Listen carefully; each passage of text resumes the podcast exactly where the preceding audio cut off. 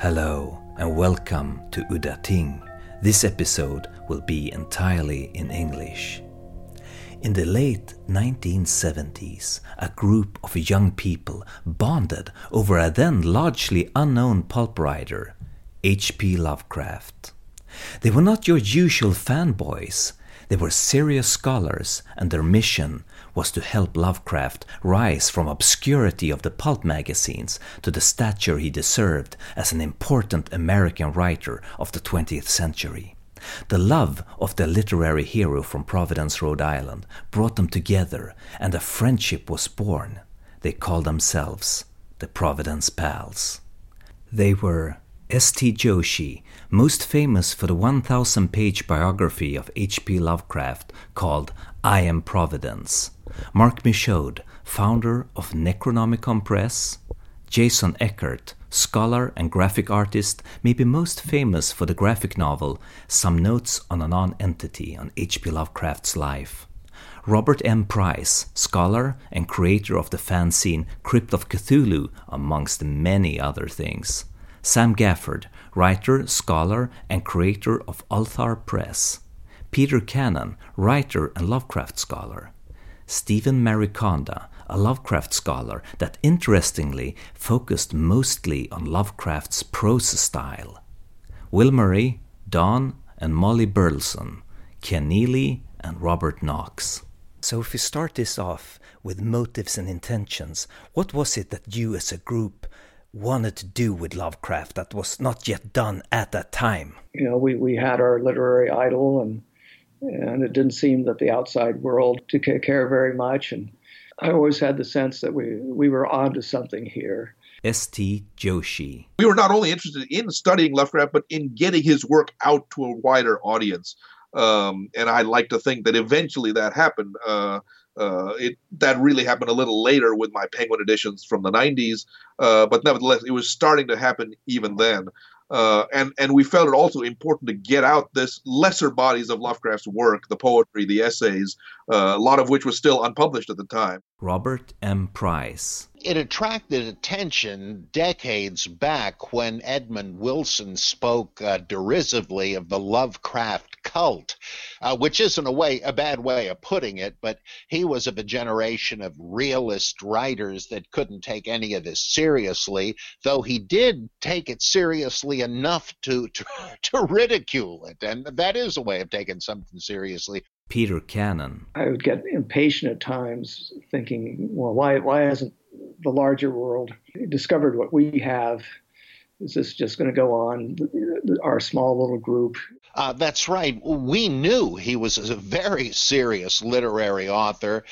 I think especially ST is responsible for the the uh, Academy's growing acceptance of Lovecraft as another Poe and uh, we all were were interested in seeing that happen, and and it has happened, and there's uh, a lot more um, writing being done about him in the same vein we did, like checking out the uh, and expounding the background uh, references to various uh, things in Lovecraft. What did he mean by so and so? Did this uh, frightening book he mentions did it exist, etc., etc.? And it's it's really grown grown way uh, beyond us. And I could tell at a couple of the uh, Necronomicon conventions before they kicked me out uh, that uh, they kind of revered uh, the Providence Pals as a founding generation of, of for the big Lovecraft boom. Will Murray. Uh, Marvel Comics had started adapting uh, Lovecraft stories. They adapted The Terrible Old Man for Chamber of Chills, so it was probably six pages long. They adapted uh, Pickman's model. Bernie Wrightson uh, illustrated that, as I recall, or at least he did the cover. And The Haunter in the Dark was done. Most of these were written by Roy Thomas, if I'm not mistaken. This is when he was starting to do Conan, uh, the Conan comics. When I went to college, uh, I took uh, Greek and Roman mythology, and I, in reading the, the, the books that they gave us, I could I began to perceive uh, some of the Lovecraftian myths were actually inverted versions of Greek and Roman myth. The Dunwich Horror is a chimera, you know, uh, but you know, writ large and and, and more modernized.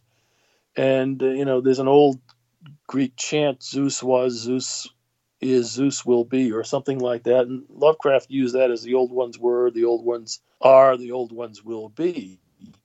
And I, I began to understand uh, the Greek influence, the Greek mythological influence on the mythos. William Beckford's Bath, uh, Vathek, you know, Gothic novel from the 18th century that I could see influenced uh, the Dream Quest. and also, I, I was an English major. I was reading a lot of American literature, and I saw parallels between Hawthorne and Lovecraft. I was writing uh, articles on uh, biblical criticism and the like. And so I had a kind of a new set of analytical tools that enabled me to have fun with Lovecraft in whole new ways. And I uh, happened on a trip to Providence to see a copy of Lovecraft Studies and I uh, naturally grabbed it immediately and read it. And I thought, hey, uh, this might be a good place for me to uh, write uh, an article I'd been planning. So I wrote to uh, the editor, S.T. Joshi, and uh, asked him what he thought. And he wrote back quickly and very friendly and encouraging tone and said, yeah, please do send it on. And then he invited me to to Providence short time later to attend one of these gatherings of the Providence Pals, which is where I met uh, a number of them. I, I, think it may have been one of the New England Fantasy Conventions or NECONs. That's where I met uh, Peter Cannon, Don and Molly Burleson, Jason Eckhardt, Mark Michaud, and generally the whole uh, bunch of usual suspects. And I joined the um, Esoteric Order of Dagon Amateur Press Association, and they suggest that I might want to do that and contribute a few pages of uh, Lovecraft gossip every uh, three months. And I oh, sure. I created Crypt of Cthulhu on the basis of that, uh, which was really more than they required because uh, I, I, really had uh, plans for it, and I wanted to make it a kind of a more funny version of Lovecraft studies with serious articles, but also jokes, parodies, and so forth. And that took off, and um, I had uh, S.T. and Peter and all these people writing for me, and uh, so it was a kind of a companion to Lovecraft studies. And then at least a couple of times a year, we would all. I lived in New Jersey at the time, which was I guess about four hours away away from uh, Providence and an easy trip, and so we would get together uh, on on the Yule holiday. I think uh, technically. Uh, what is it? Uh, December 21st, the solstice, and uh, then on Lovecraft's birthday and uh, which was in August, and we'd go around to uh, to Lovecraftian sites, places he mentioned in his stories, places he had lived, and so forth. And they were a great bunch of people. Uh, I'd almost have suspected that they would be a bunch of geeks and weirdos, but in fact they were not. All of these people had a serious interest in literature though most of it, uh, as Lovecraft would have called it, weird fiction or spectral fiction. Uh, and uh, they were uh, just some of the finest individuals I had ever met, uh, all with a great sense of humor, all with a scholarly sensibility. And uh, it was just terrific. And eventually, um, I brought up my then girlfriend, now wife, Carol, to join in the festivities. And there weren't many festivities. It was just hanging around together and touring the sites and eating at uh, uh, favorite places. But it was just, and of course, we spent a lot of the time talking about current publishing projects. Uh, Mark Michaud had started Necronomicon Press, and I wrote for Lovecraft Studies, and uh, and uh, S.T. was working on his uh, mammoth uh, Lovecraft bibliographies and the corrected texts of of Lovecraft that Arkham House eventually published, and it was a, a heady and enormously fun time. I got a, a little magazine Um, I've forgotten the name of it now, but uh, it had the the addresses of various small press publications uh, who I could write to. To you know, maybe if I wrote articles about Lovecraft, I had actually written an article about Lovecraft and sent it to the. magazine that was run by uh, R. Allen Everts, uh, Randy Everts in in Wisconsin. Um, now, this magazine actually never appeared, but nevertheless, he said, "Oh well, if you're really serious about Lovecraft, you should get in touch with uh, Dirk Mosig down in Georgia. He's really the leading figure in the field." Uh, and so then I got in touch with Mosig, and that initiated a correspondence that lasted for uh, several years. And I can't remember how this happened, but I think it was from reading L. Sprague de Camp's biography in the spring of 1975 I was fascinated. Uh, at that time, I didn't realize its shortcomings. I thought it was a, a great piece of work. Uh, just because it made Lovecraft himself seem so interesting. Um, I mean, and in some ways, I felt a similarity to Lovecraft. I I shared some of his views, not not the racism, of course, but uh, I had a lot of other similarities to Lovecraft. Uh, superficial in some ways, like my fondness for cats, but more significantly in other ways like atheism and and devotion to the past, things like that. Uh, so I felt this personal connection to Lovecraft, and and I read de Camp biography really quite uncritically. And it was only Mosig who later on said, you know, there there are big problems with this book. He wrote a long review of the book when it first came out, uh, and then he and DeCamp got into this long dispute in, in print. Uh, it was all done through these little magazines at the time, you know, debating the, the various uh, uh, points in his biography. And, you know, Mosig felt that DeCamp had overstressed the racist element. He had failed really to understand where Lovecraft was coming from. He, he, he didn't approach Lovecraft from a, uh, an empathetic point of view, trying to look at Lovecraft through his own eyes. He looked at Lovecraft through DeCamp's eyes uh, and and passed harsh judgments on Lovecraft. Now, when I first read the book, somehow those those didn't uh, affect me particularly. Uh, I mean, I I still came away with a great admiration for the kind of writer and person that Lovecraft was. Jason Eckhardt. I grew up in New England so that I could look out my bedroom window and see just the kind of scenes that he was describing.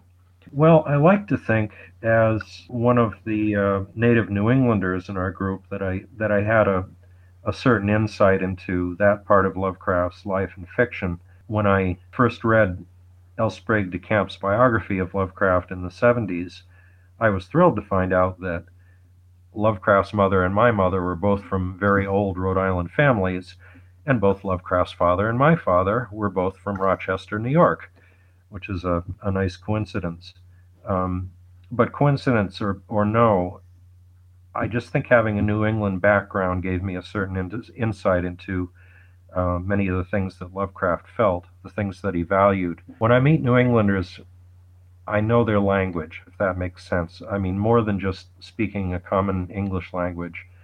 Um, when they say things, I know why they say them and how they say them.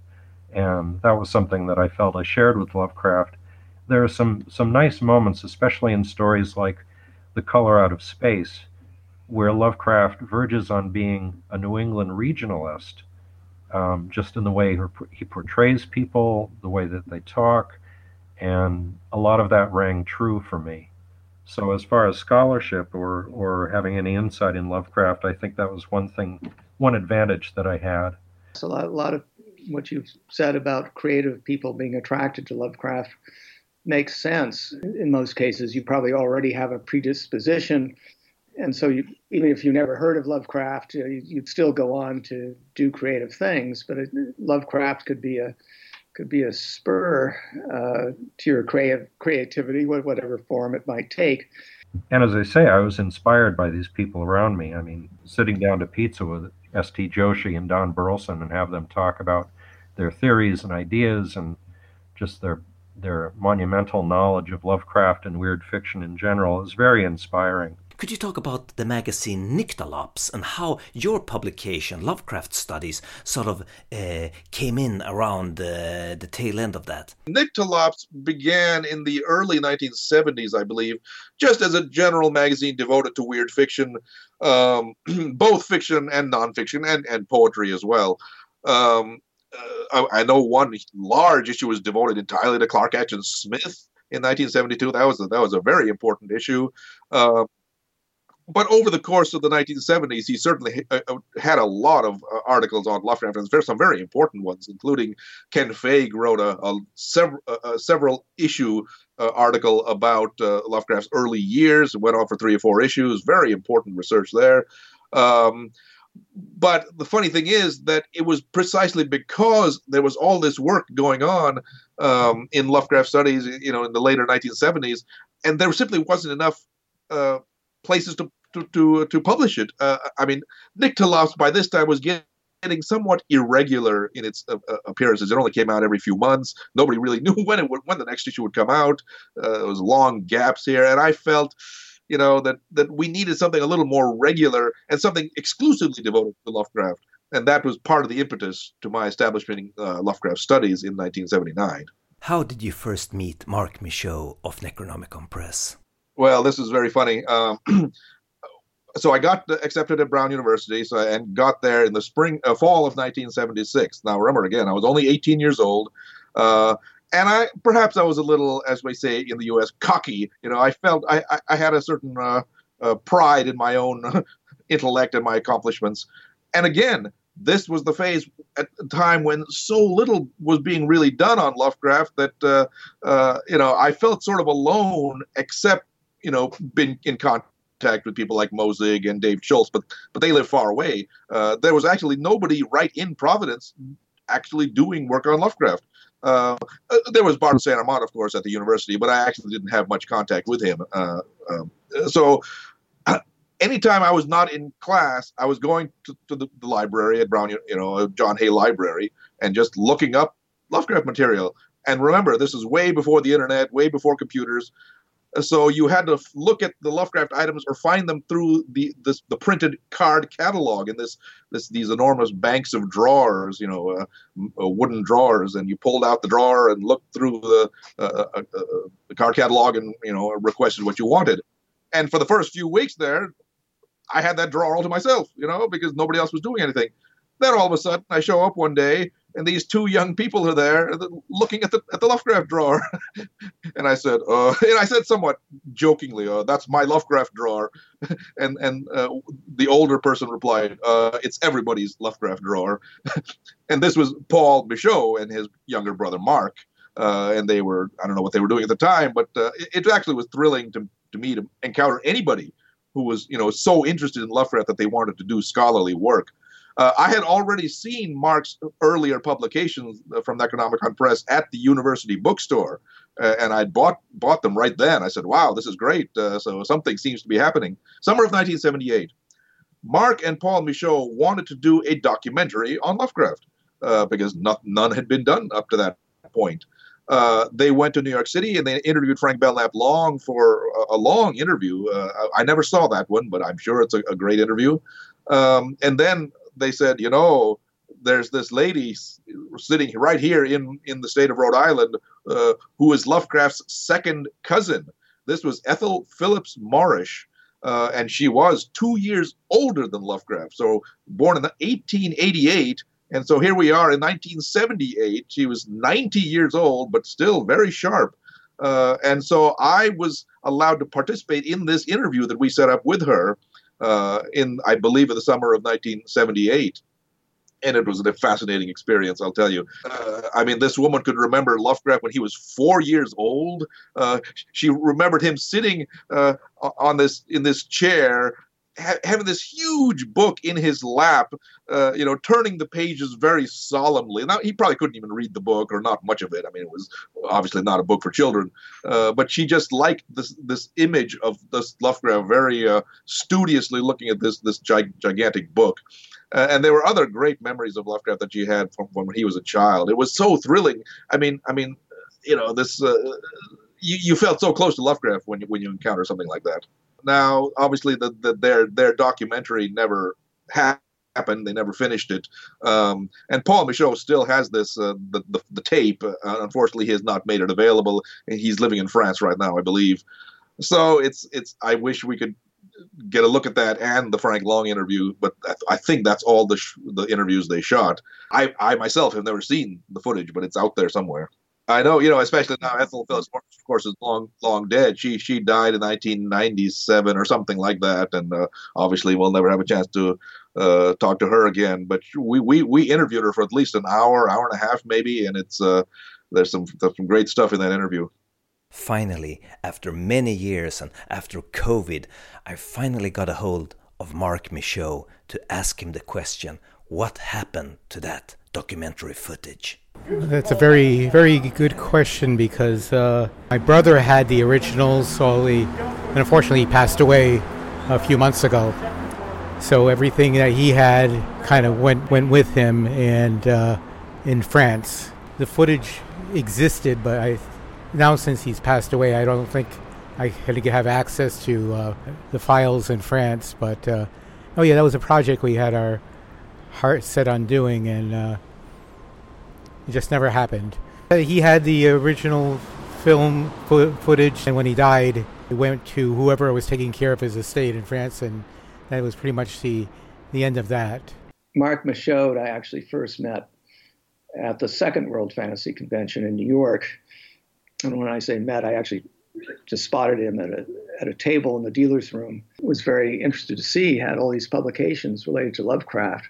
Now I don't know if I introduced myself at the time or not, uh, but I I know I I bought a bunch of his uh, publications and I got on the mailing list, and uh, I, I was a faithful Necronomicon Press customer for for, for many years. Tuxet Valley Gleaner book, that was the first Necronomicon Press book. And that was a collection of uh, astronomy articles by Lovecraft. Early publications of Necronomicon Press from, you know, 75, 76 uh, didn't have any covers at all. I mean, no art on the covers. It was just plain type. Uh, but Mark said, mm, "We need to we need to liven these up. We really had to have some cover art uh, if we're going to attract a, a, wider audience." And so he put a, an ad in the uh, the, the the the student newspaper of the Rhode Island School of Design. Now that's a, a small college right literally down the street from Brown University.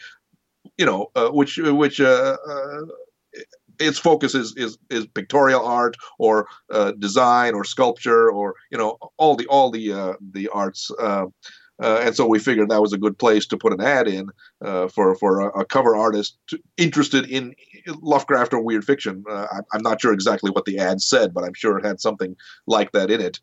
Um, I think Jason was practically the only one who answered the ad, uh, and so Mark and I, at some point in 1977, went down the hill to to his little uh, uh, dorm room at at the Royal School of Design, and we met him. And, and you know, again, developed this immediate bond because uh, chiefly through Lovecraft, but uh, um, he was a, a, a, very, very cordial, genial individual. We, we took to him readily, and he really, the three of us really became the core of, of what became the Providence Pals. At first, we weren't even called the Providence Pals. I can't remember who called us that. It might have been Ben Indick, who was a member of the EOD, the Esoteric Order of Dagon um, press organization but yeah, I would I would get a call from Mark, and he would say, say on March 15th, the anniversary of Lovecraft's death, or August 20th, Lovecraft's birthday, or December 21st, the Yuletide, he would call me and say, hey, the gang is getting together, and I'd go up to Providence and we would all rendezvous at Providence, usually in front of the John Hay Library. One of the most important things we did, really, was to go around to the actual sites where Lovecraft said his stories or, or had, you know, had traveled to, as, as mentioned in his correspondence, not only just in Providence, but in, throughout New England. We went to Salem and Marblehead, uh, places in uh, Vermont. Uh, Don Burleson took me to the couple of sites in Vermont where uh, uh, the Whisper in Darkness had taken place. That was ex- very exciting.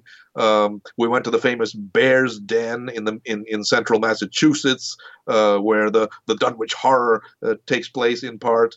Uh, to see these actual places where Lovecraft had been and wrote about, just gives you the sense of the immediacy of Lovecraft's fiction. I mean, he, you know, he was a very, uh, uh, uh, I think Lovecraft had a more of a feel for places than for people.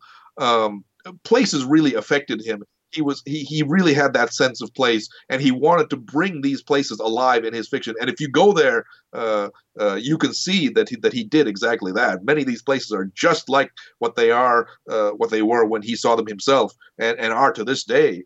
Uh, I just recently took a Canadian film crew to to some of these places in, in Massachusetts and, and New England and and uh, Providence, and they're still very much the way Lovecraft saw them. So uh, it really it, it, it's if you're a real devotee of Lovecraft, you will you will follow in his own footsteps. We were in uh, Boston, and of course, when you're in Boston, you have to go to Copp's Hill Burying Ground, which is where uh, Pickman's model is set, or at least partially set. Remember, pretty darn well. We tried to retrace Pickman's route as described in the story, and uh, Will Murray was our tour guide here. He had never walked the uh, the the course of it himself until then, and we uh, our big discovery was uh, that when Pickman tells uh, the uh, the narrator that that it was here and there and we went down a street. It wasn't Greenough Lane and uh, but we went down it and realized he was sort of just trying to throw the reader off the track and it was. Well we uh, got to the um, the cemetery there and found that uh, it, to our astonishment it, there was a uh, it, it's very old of course and one of these obelisk uh, shaped monuments had fallen down or kids had pushed it down. I don't know which. And one side of it had been broken into. And we peered down there, and there were actually steps leading down to an actual crypt. And I said, "Oh my God, this is this is too good to be true." Um, mean, it was really right out of Lovecraft. So Bob Price went down there first, uh, and and uh, you know who knows what he was doing down there. It came back. I think he actually came back with a piece of bone, a uh, a vertebra uh, from whoever it was. I figured if, if any if my wife ever accused me of having no background ba- backbone, I could always uh, you know produce this. Oh, I do. You see. And I said, okay, well, I, I, I can't let him top me there. So I went down there. Uh, I wanted a skull, but the, the, there were two there were two uh, people buried there, a man and, and a woman, you know, married couple uh, from the 19th century. It was not a historic gravesite at all. You know that that one, um, and the, and then the headstones had already the heads, the skulls had already been stolen, which is too bad. I, I wanted the skull, uh, but I took a piece of vertebra from from one of the one of the bodies and, and came back up. Uh, um, but then all of a sudden, one of the people who lived right around the edge of the uh, uh, cemetery, you know, which is right in the heart of, of Boston, uh, came over, you know, and he said, "Hey, you know, who are you people? You know, we've had some vandalism here. What's going on here?"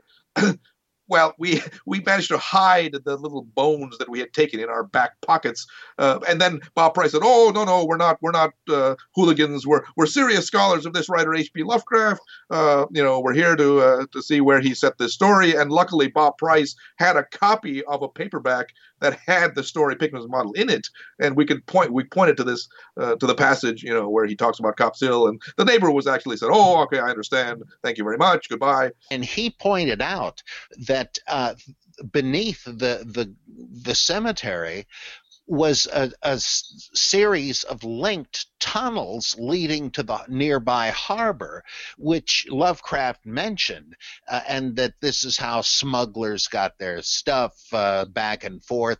And uh, who'd have thought it was real? But it turned out it was. And he he then showed us this strange um, apartment he lived in, which was only like six feet wide. I mean, this also seemed like a Lovecraftian thing, almost non Euclidean geometry. But he was a friendly guy and very informative. But uh, so we, we dodged a bullet there. Otherwise, might have been arrested for grave robbing, I suppose. Another adventure we had. I mean, you mentioned the the episode in the graveyard. Another one that I remember as fondly or as uh, as clearly as we discovered that this old railway tunnel that ran under the east side of Providence was still open, and the opening was beneath the parking lot of the Providence Art Club off of Benefit Street. So we went down there and we all decided, all right, well, let's walk to the other end of the tunnel. and it was, I think, over a mile long, so that when we got into the middle of it, all you could see were these two tiny points of light in either direction, the openings of the tunnel. and we followed it all the way to the end where it comes out by the Seekonk River. Um, something that you can't do anymore because they've blocked it off. But it was uh, something that, as Providence pals, we had to do it because we thought, well, this is just like something out of At the Mountains of Madness or The Shadow Out of Time.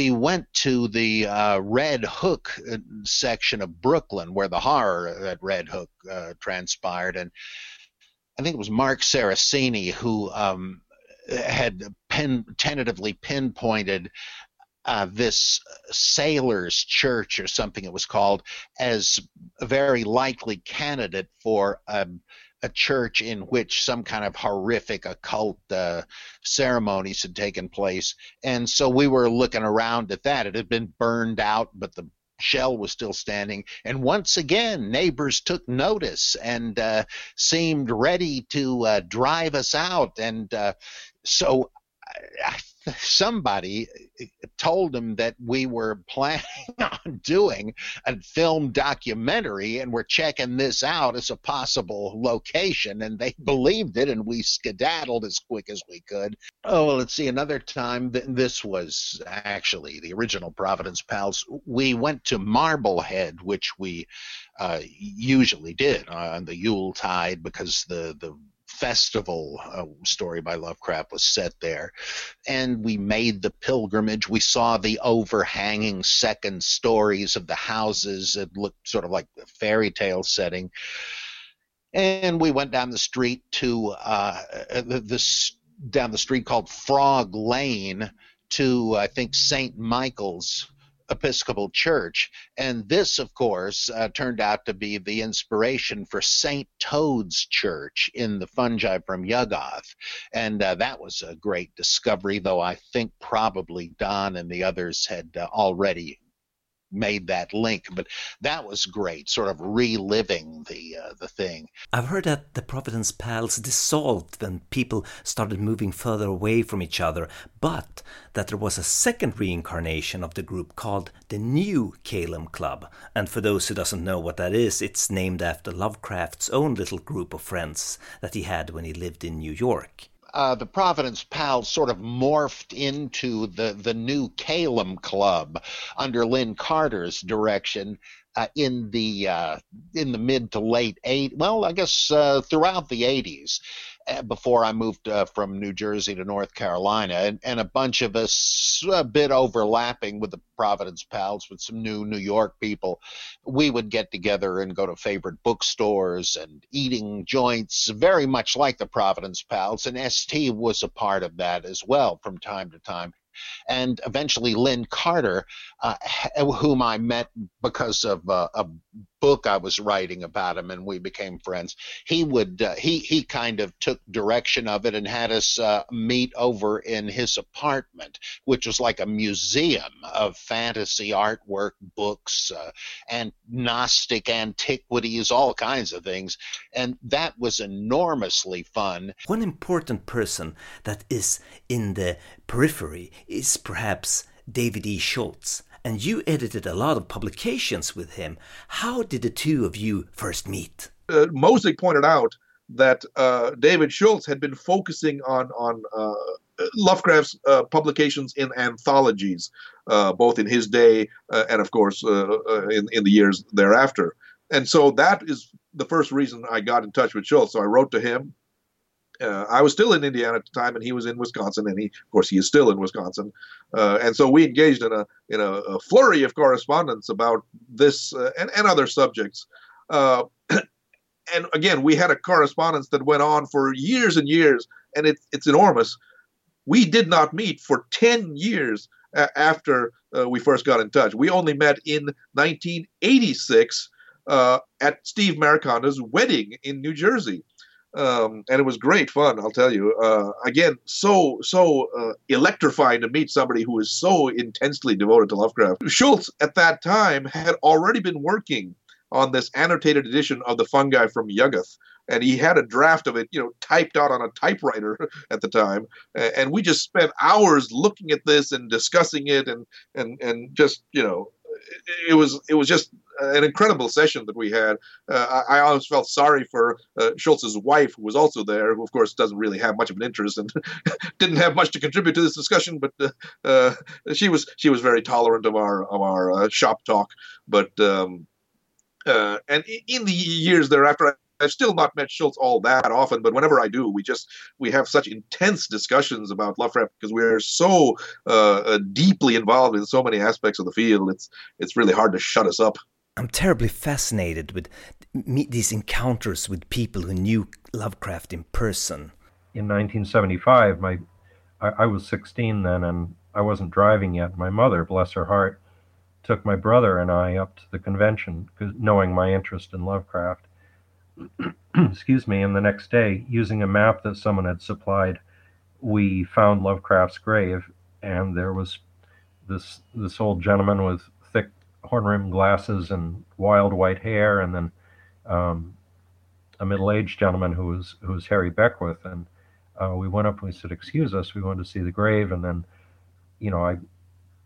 I guess just through conversation, I, we found out it was Frank Belknap Long, and by good fortune, I had my copy of Dreamer on the Night Side, which is his wonderful reminiscence about Lovecraft, and I got him to autograph it.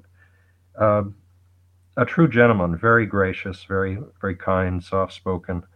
Um, the other time that I met him, it must have been at the Lovecraft Centennial Conference in 1990, and excuse me, at that point, he was quite frail. I think he was in a in a um, wheelchair by then. I also asked S.T. Joshi what people he had met throughout his career that were actual friends that had met Lovecraft in the flesh. Of course, Vernon Shea, I course, but he, of course, he never actually met Lovecraft, just corresponded with him.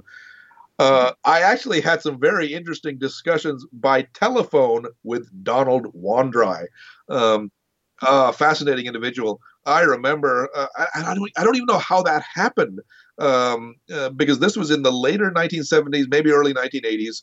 Um, and you know he was still living in in his home in his family home in uh, uh, St. Paul, Minnesota, uh, and somehow or other we got in touch. I can't remember how, and he would call me up and just talk.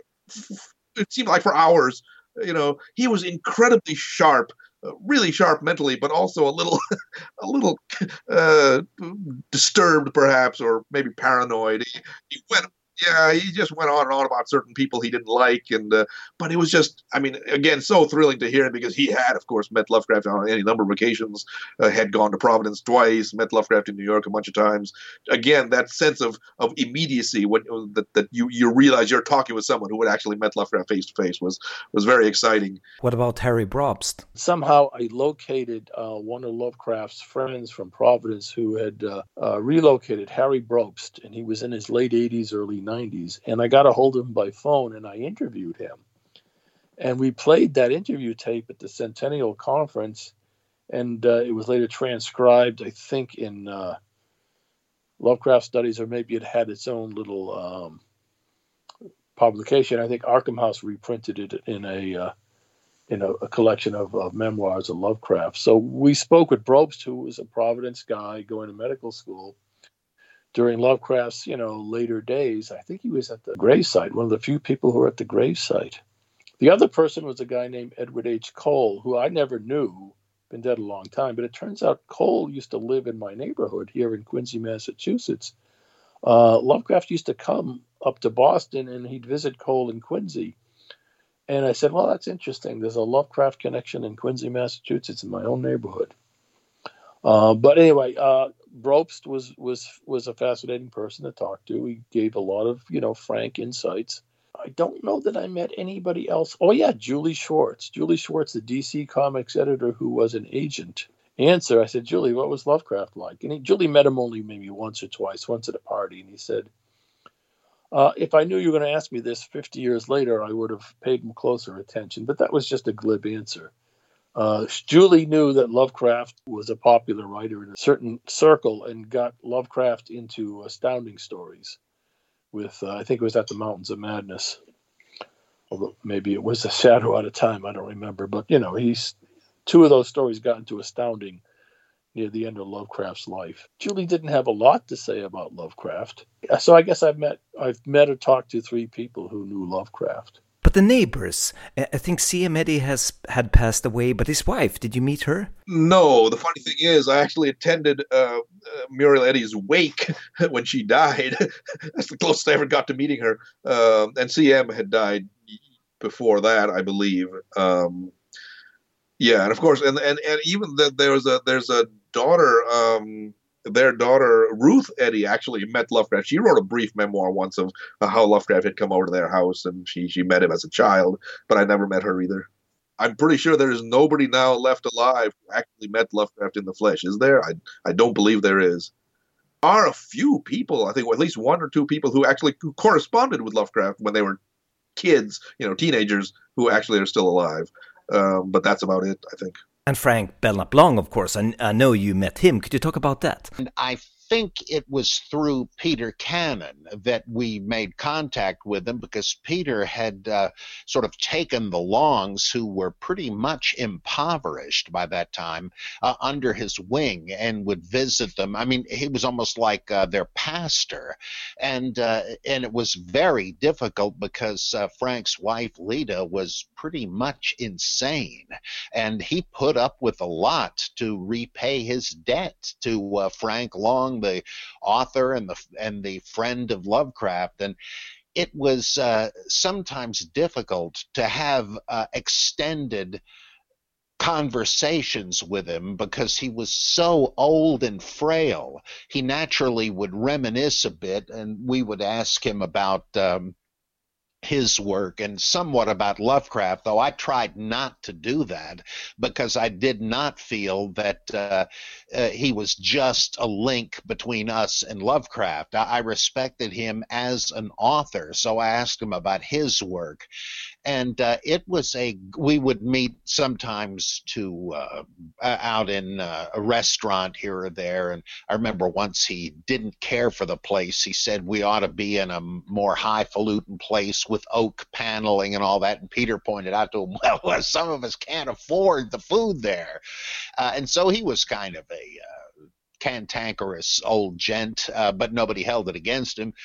I remember when uh, oh, a few years after that, we had a, a, a real effort getting him up and his wife up to uh, Providence for the Lovecraft Centennial Conference, and uh, it, it, he was in a wheelchair, and uh, he uh, we had to watch his wife giving him B12 shots in the thigh and stuff we shouldn't have seen, uh, and uh, bickering between the two of them. But again, she was nuts, and they were both very old. But we felt like we were sort of family members, and uh, that it was a privilege to be, to some degree, as caretakers. Uh, Sam Moskowitz told me that uh, Frank had a, a kind of a turning point when some years before he had gone to the doctor for something or other and they gave him x-rays etc and delivered the news that he had about six months to live. Well uh, he passed the sixth the sixth month and he was still alive and kicking and he went back to the doctor who said whoops i guess i was looking at the wrong x-rays and so he lived for years beyond that but sam said that frank Frank was never really the same. That that took a lot out of him, and I, I guess that's sort of a shock. Uh, even uh, you know, even though it uh, turned out for the good, uh, was uh, enough to uh, set him back. And then let's see. I remember asking him picky little things like, "How do you pronounce?" Uh, T I N D A L O S. Is it Tindalos or Tindalos? Uh, and what did it mean? Because this, of course, was a reference to the Hounds of Tindalos, and and by my pronouncing it, he, you know, he said uh, the accent goes on the first uh, syllable. Uh, what did it mean? He said, well, nothing really. He just thought it sounded like a strong name, and it occurred to him once as he was looking in the mirror shaving. Uh, and uh, again, you know, not ultimately important, but kind of uh, kind of uh, all the more fun since uh, it had a mundane origin. Uh, I got Frank to pen a sequel to the Hounds of Tindalos for my magazine, Crypt of Cthulhu, and um, it wasn't, you know, a huge, uh, great story, but that really didn't matter. Uh, I, I have to admit, I felt a little like Ed Wood, uh, uh that uh, you know we've got Lugosi here. He's fallen out of the spotlight, but let's see if we can squeeze another movie out of him, or in this case, story. And that wasn't exploiting him. There was no way I could make money off it, but I knew fans would love that as I did. Uh, I even um, outlined a story that would be kind of a sequel to his The Horror from the Hills and sent him the outline. I never heard back from him. And then a few years later, after he had sadly passed away, uh, Peter Cannon told me that uh, Frank had gotten the story but didn't think it would work so he just cast it aside, which of course I thought was pretty funny. Uh, and so I finished it up as the Elephant God of Leng, which was his original title that he finally discarded. And uh, he and his wife were characters in it, uh, thinly veiled, and I dedicated it uh, to him. Uh, but uh, it, it, was a great privilege to to know him. And I first got in touch with Frank by correspondence in, in the late 1970s because I had write I was writing this article about the mound. This woman, Zelia Bishop, had said, Oh, Frank had contributed a lot to this story. And Frank said, No, no, no, I, I did nothing to this story. Um, and so I wrote a, an article in which I reconstructed what I believe happened uh, in terms of how Lovecraft uh, wrote Ghost wrote the mound and sent the story, sent the essay to Frank. And he said, Oh, yeah, this sounds about right. Uh, so that was good. So I got in touch with him that way. Then later on, so, some years later on, uh, this was now I was living in New York City. Marc Michaud commissioned Frank to write his autobiographical memoirs. Um, so Frank wrote the first half of it, sent it, sent it to Marc. Seemed to have trouble writing the second half, and so I, I met with him a couple of times just to try to see if I could, you know, urge him to to write the remaining part of this memoir. And finally, he did so, and he he gave it he gave this draft to me on on on this what is called sort of onion skin paper. Uh, you know, which was really meant for typing, but he wrote, hand wrote this uh, the second half in this spidery sort of handwriting, uh, uneven lines and things like that. But he finally got it out of him. And let's be honest, it was somewhat of a disappointment. I wish he had said more, but but still, we were happy to get it. Uh, but he. Every now and then we would uh, try to get together with him. Peter Cannon, of course, knew him very well and met with him a lot. But I, I tried to keep in touch with him uh, and and help him out. He was, you know, in a very bad situation, very little money, and his wife was sort of insane. To be honest with you, um, they were living in this in this rather, uh, you know, small. Uh, uh, untidy apartment down in the in, in Manhattan. Uh, you know, again, we tried to help them as best we could, but um, it was pretty difficult. there was one strange dinner that Peter and I had with Frank and, and Lita Long, uh, in which at their apartment, but we never went into the actual apartment because it was such a mess that they had the entire dinner in the hallway of the apartment and not the apartment itself. It was very odd, uh, uh, rather sad case. And of course, then Frank became ill. Um, much more ill, you know, than he was already, uh, and and uh, you know, basically was became bedridden, and we saw him, you know, in that condition. His hair had turned totally white, uh, and of course, he didn't wasn't able to shave himself, so Lita basically let him grow this full white beard.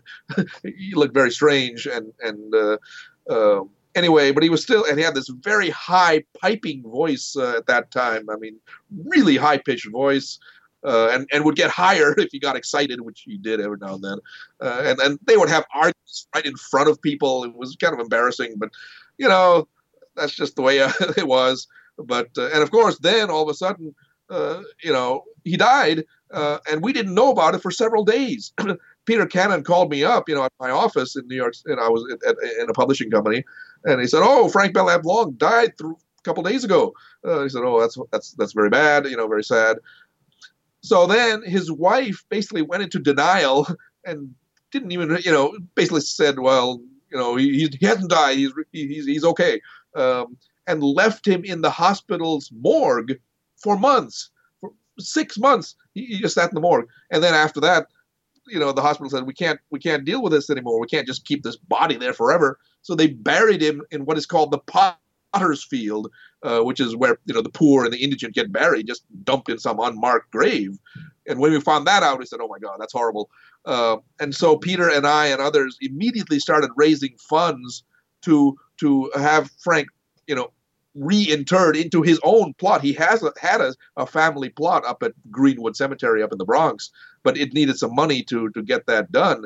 And and you know, in a fairly short period of time, we got that money raised, and we we we participated in this ceremony where we saw Frank being buried in his own uh, lot, uh, you know, with the with his own uh, headstone and, and, inscription. Yeah, they had to, you know, because it's buried somewhere. You know, there's there's this, I can't remember where the New York City Potter's Field is. It's on some island or other. You know, it's where all the you know whoever can't afford to be buried just gets dumped there, basically in some sort of grave. Um, but you have to have him. You know, it costs money to get him out of there and then placed in his own casket and and buried in, in his proper lot. Uh, so that happened in the summer or fall of 1994, I believe. Uh, and this young man, Perry Grayson from California, who had become sort of a devotee of Frank Belknap Long and kind of a scholar of him, if you want to call it that, came out there all the way from California to participate in this. But we were glad we we did that. It was it would have been bad to just leave him there in that unmarked grave. So you recently discovered new facts and wrote a new Lovecraft study. There there are people who have looked at Lovecraft's mother's decline and said, well, you know, she probably got it from her husband. Uh, that's not proven. That's known, not known for an absolute fact. And so I was very careful in how I wrote that up. But the the whole point of it, looking at any of this stuff, is what did Lovecraft know, and how did that impact his psychology, his view of himself, and his family, and how did it how did it um, impact his his his stories. We all know how Lovecraft's father had died uh, in an insane asylum. Well, the father had a cousin who also died in an insane asylum in the same decade, and there was a third cousin who uh, committed suicide because he was going insane. And all of this is against the backdrop of uh, the Panic of 1893, where um, we went america went into a, a, significant depression. So my article was was trying to compile all we know about those three cousins and what the significance of their um, sudden descent into madness was in the 1890s and how much lovecraft might have known about it and how he might have interpreted it. The interpretation seems to be they all three came down with syphilis but it's but in two in the cases of at least two of them the two who weren't Lovecraft's father, um, there were severe financial hardships that came up at the same time. Uh, and you know, Lovecraft's mother mother went into a mental decline, and she had fear of poverty. There's a there's a threat of madness, you know, in that family that has to do with poverty, approaching poverty, fear of, of pauperdom. Uh, and so I basically put everything together and said, okay, here's what we know here's what seems to have happened, but the things we don't know, so we can't say exactly what happened. So it's called the uh, the doomed Lovecrafts of Rochester. But what are the odds? They both can't have contracted syphilis. Well, no, it is possible. I mean, that this was before um, penicillin, so if uh, if these guys had been intemperate in their personal behavior, and they all grew up in the same town, Rochester, and and the ones who marry tend to marry a little later in life, it is not impossible that they could have frequented the same houses of prostitution uh, and, and came down with the same illness. But the, the, the economic factor, uh, the coincidence of the economic factor, does make one wonder. Well, you know, what's what's the actual trigger? You know, uh, and, and and you know, I, I bring this forward in in the sense that, well, what did Lovecraft know about them? He knew about his father, you know, and he knew his mother you know, ended up in a, an insane asylum. Did he think there was some family or hereditary thing going on? Did he know about the syphilis? Did he know, was was did he figure it out? Did he not figure it out? How much of the themes in his stories come from this disintegrating family on his father's side? I should mention that when I investigated the uh, the doomed Lovecrafts, there was a fourth Lovecraft, George, who uh, had worked for the two two of the cousins, and then he disappeared.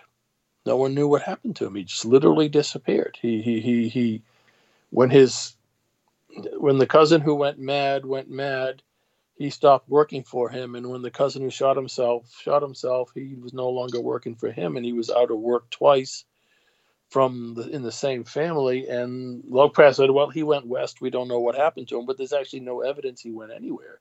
He just disappeared. So there's a missing Lovecraft, George Lovecraft." Something that must be mentioned is Sam Gafford's and your project, Some Notes on a Non-Entity, The Life of H.P. Lovecraft in a graphic novel form. Well, it was really Sam's project initially. He had come up with this idea. He had a very thorough background in comics, um, and he thought that such a thing was needed, that a, um, a biography in graphic novel form was just what just what Lovecraft needed. So he set about to writing it, and when he got it done, um, he and I were in pretty frequent contact, either through um, text messages or emails. And I remember him bemoaning the fact that, oh, I'm never going to find anyone to illustrate this. And on the spur of the moment, I, you know, I felt bad. My old friend, he'd spent so much time on this, and so I said, well, I'll do it. And I'm glad that I said that before I thought about it because it was a lot of work. Um, when it was done, Sam and I figured out that he had spent two years writing it um, between all the research that he'd done, and I spent two years illustrating it. And the way it worked out was that he had he had the text to it all written out, and he broke it down page by page and actually panel by panel, indicating not only the text that would be in each, but also suggesting images that should go into each panel. And then he presented it to me, and I looked at it and I went through it. Really, I, I, I didn't even read through the whole thing at first. I read through maybe half of it, and then I just plunged into it. I took the first page and I said, okay, this is where we're going to start, and and went right into it, following his directions. So it was a real collaboration. I'm I'm not someone who really enjoys collaborations. I haven't done many. Um, I I find them kind of clumsy, but in this case, it was a perfect fit because Sam's research and his writing, and then my illustration and my interpretation uh, worked very well. So the way it usually worked was that I would take one page, I would draw it out in pencil, on a comic book blank, which is actually, I think, 150% of the final page size, so it's larger. And then when I had it drawn in pencil, I would scan it to Sam and say, How does this look? And he would critique it. He'd say, Oh, well, you should leave more room for the text here, or, or there should be more stress on, on this panel, or something. And his suggestions were always perfect. They were always right on the money because, of course, he had a long history with comic books. He actually, and his older brother, Carl, um, both very involved in comic books for many years. So that I was new to the medium. I had done comic strips um, a few times in the past, basically just for myself for fun, but I never worked on anything that large before. So Sam's text was invaluable. Um, it really would not have existed without without Sam's text, and that was how it worked. And then once I got approval from him, I would ink in the page and then go to the next page, and then it was the kind of thing where I couldn't really think about how many pages I had left because there were in total there were 118 plus a title page and a cover, so 120 finished pieces of art. And actually, if you break down the pages, there were an average of five panels per page. So that means about 600 drawings, separate drawings in the book itself. Um, it's something I'd never thought of before looking at a graphic novel, but it makes me appreciate them a lot more now. And we had a couple suggestions. He had he had uh, he'd used S.T. Joshi's H.P. Lovecraft A Life for reference for a lot of the work, uh, for a lot of the story, and he also sent his um, his draft of the graphic novel to ST for criticisms or, or suggestions beforehand, and ST sent it back basically with just some small um, grammatical corrections that Sam had gotten all the facts right in the interpretation. But one of the things that Sam, uh, excuse me, that ST suggested is that there be an appendix to the to the book that should show how Lovecraft's fame had survived him and had actually grown since his death, and so that just to show that all his work was not in vain, so to speak. But Sam really wanted to end it with the end of Lovecraft's life. He he felt that that was, I mean, it's it's a very sad note to end on, but he felt that it was it was fitting because that was Lovecraft's life, and when he died, he didn't know what was going to happen to his stories. He uh, he probably thought they'd just fade away, um, but that was Sam's decision to, to end it like that.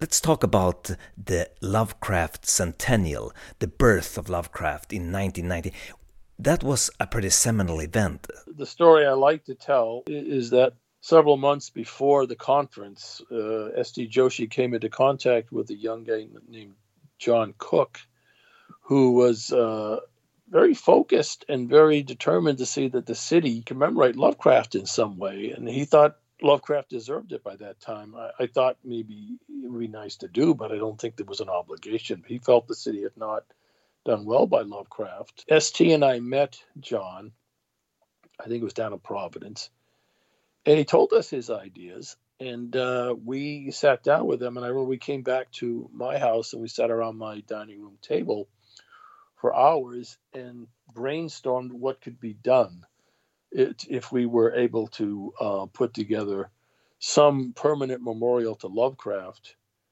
and uh, you know, ST knew the people the John Hay Library. We came up with a with a group called the Friends of H.P. Lovecraft, whose core was me, John, and, and ST. I believe I was the treasurer, or at least I handled all the checks in the mail. And what we did is we sent out a mailing asking for contributions, and the plan was to put a, erect a bronze plaque on the grounds of the John Hay Library, around the corner from Lovecraft's last residence, if I'm not mistaken and uh, ST picked the uh, the the Lovecraftian poem. We were 14 weeks for the uh, conference, and it shouldn't have been possible. But between the fundraising and, and John being on the ground in Providence and ST and I having you know sterling reputations in the Lovecraft world, we raised the money. We found, and I think Marc Michaud was was key in this. Marc, I think, was the one who found the stonecutter who would uh, who would uh, I guess he I, I, it may have been two different people who produced the, the, one person who produced the plaque and one the stone, but I remember going down to the stone cutters, and he was cutting the stone and the the plaque was mounted and it was a beautiful plaque and it had a silhouette of Lovecraft, and uh, it was unveiled on the last day of the centennial conference as sort of the the capstone event. John Cook gave a little speech and uh, it was it was it was a tremendous thing that we were able to pull off under a very tight deadline against all odds, and it's still there 30 years later in wonderful condition, and uh, you know it was it was one of the great achievements of my life in terms of of, of paying tribute to H.P. Lovecraft that was a, a, a, great moment. It was it was a very difficult thing to do now because I, for one thing, I was the major organizer, but I was living in New York City at the time, you know, and I was not not on the scene, uh, so that was difficult uh, just logistically. Several people had been writing books uh, to you know commemorate the centennial. Don Burleson wrote a great book, uh, uh and you know I wrote a, a, a, book for Starmont House on Lovecraft's philosophy. Uh, Peter Cannon, of course, had come out with the, the, the book for Twayne's United States Authors Series. So a lot of activity was going on, but that conference. Uh, was really a highlight. We, we we were able to fly in scholars from around the world. Really, uh, there was a great panel on on foreign Lovecraft scholarship with with scholars from Germany and France and Italy uh, uh, appearing there, and that was a, a great revelation. Uh, and of course, we had a surprise guest in Frank Belknap Long, a very old man by this time. He was almost 90, uh, but we, we had people bring him in from New York and, and sort of uh, unveiled him at one point, uh, and he, he made a great, great impression. Um, but I think that was that was really the moment we felt okay, we, we have achieved something here, and and there's no going back now. When Joyce Carol Oates decided to cover my biography in the New York Review of Books, that's another that was that was '96. That was another great moment. I said, "All right." I mean, this is you know it's pretty hard to get any any better than that. And then of course only a few years later, Penguin wrote to me and said, "Hey, why don't we do a, Lovecraft in the Penguin Classics?" Uh, and then, you know, still beyond that, uh, the the Library of America comes along in 2005 and publishes, uh, you know, the volume of Lovecraft for, for that series, and that that's really, you know, there is absolutely unequivocally uh, the time when Lovecraft became canonized. I mean, he is in in in the canon of American literature permanently now, and, and he and he will remain there the merchandising is really a really strange phenomenon. I mean, Lovecraft would be a very rich man today if he could have uh, uh, benefited from that all this merchandising of Cthulhu paraphernalia, let alone the, the movies and the comic books and all this other stuff. I'm I'm still dumbfounded that this is all happening uh, because Love, if you actually read Lovecraft, it's a very dark vision of the world. It's not exactly cheerful or or even popular in the most uh, superficial sense, uh, and yet it is popular. I, I just I, I, am I just cannot account for it. Uh, I think some of it builds upon itself. Um, you know, Cthulhu once he became established as some sort of icon of horror, just you know, appears in all different types of uh, permutations now. Um, and a lot of people, you know, who, who know of Cthulhu may not even know that Lovecraft invented this creature. You know, I don't know what they think, but uh, uh, I think the role playing game uh, Call of Cthulhu from 1982 had a lot of influence on that because that really took Lovecraft to a whole new audience, um, and and then brought those gamers in back to the fiction. I think maybe some of them had played the game, maybe had not even read the fiction, but then they did read the stories and and became fans.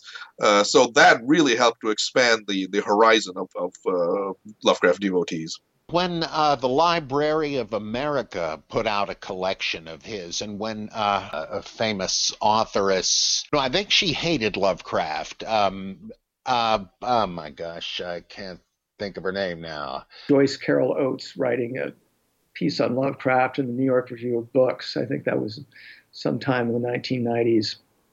Now, previously, she'd written a piece that was quite negative about him, but like a lot of people, she, she sort of came around, and Edmund Wilson is the prime example of this. And, and I think in her essay, she said, well, maybe there should be a volume of Lovecraft in the Library of America. When that kind of recognition starts, it implies that those who edit these things and write introductions to them and so forth are uh, not afraid of uh, the of collegial scorn. Uh, that they figure it's safe to uh, to to write about this. They probably liked Lovecraft for a long time, but may have felt it was a guilty pleasure, and obviously they don't feel guilty about it any longer. And I guess that's the thing that really showed me that yeah, Lovecraft has arrived. Very rare for a writer to appeal appear to appeal to readers on many different levels the way Lovecraft does. I mean, he has this popular interest, but he also has the academic interest. Very, very few writers are like that. Poe to some degree, but uh, you Poe is really not as popular as, as Lovecraft, not by any stretch of the imagination. Um, but you know, William Faulkner really doesn't have a popular, uh, you know, audience. There, there are no, there are no uh, plush dolls based on his creations, you know, things like that. Um, so, or Hemingway even, uh, nothing like it. Uh, it's, it's, very strange how this happens to, to Lovecraft. And we cannot, uh, you know, overlook the fact, as, as will be of interest to you, of course, that Lovecraft is a worldwide phenomenon. Uh, I mean, his work began to be translated as early as the 1940s. Uh, the Europeans got to him in the 50s, you know, French, German, uh, Italian, Spanish, a huge number of Spanish editions, both in Spain and in Latin America, also uh, Japanese. Uh, Chinese now we know of Chinese editions, uh, you know, and even more obscure ones like Turkish and Serbo-Croatian. it's unbelievable uh, how has become this you know worldwide interest, and I think that's part of that is because his stories really are very timeless.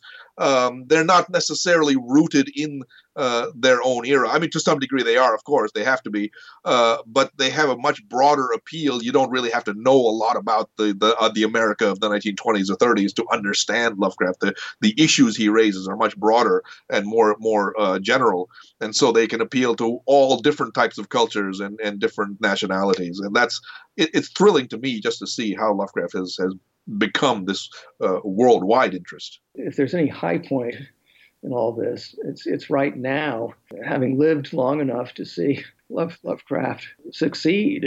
I mean, you know, the classic story of the poor, and unrecognized writer in his, in his lifetime becoming a, a posthumous success. I was about to say he's a niche author, uh, and so that has its limitations. But on the other hand, in popular culture, you cannot escape Lovecraft. There are silly plush Cthulhu dolls and uh, there are uh, Cthulhu plush slippers. There are role playing games, card games, uh, movies acknowledged or unacknowledged in the dependence on HPL. There's a huge amount of, of Lovecraft pastiches and, and, uh, and uh, more serious works inspired by Lovecraft, more and more coming out all the time. It, it's, it astonishes me, and I can only imagine what Lovecraft would have thought of it uh, if uh, he had lived to see it. Finally, something that must be mentioned before we end this episode is that during the three or four years that I've worked on this episode, people have passed away and I myself have lost both interest in some regards and lost perspective, and it has changed in some aspects.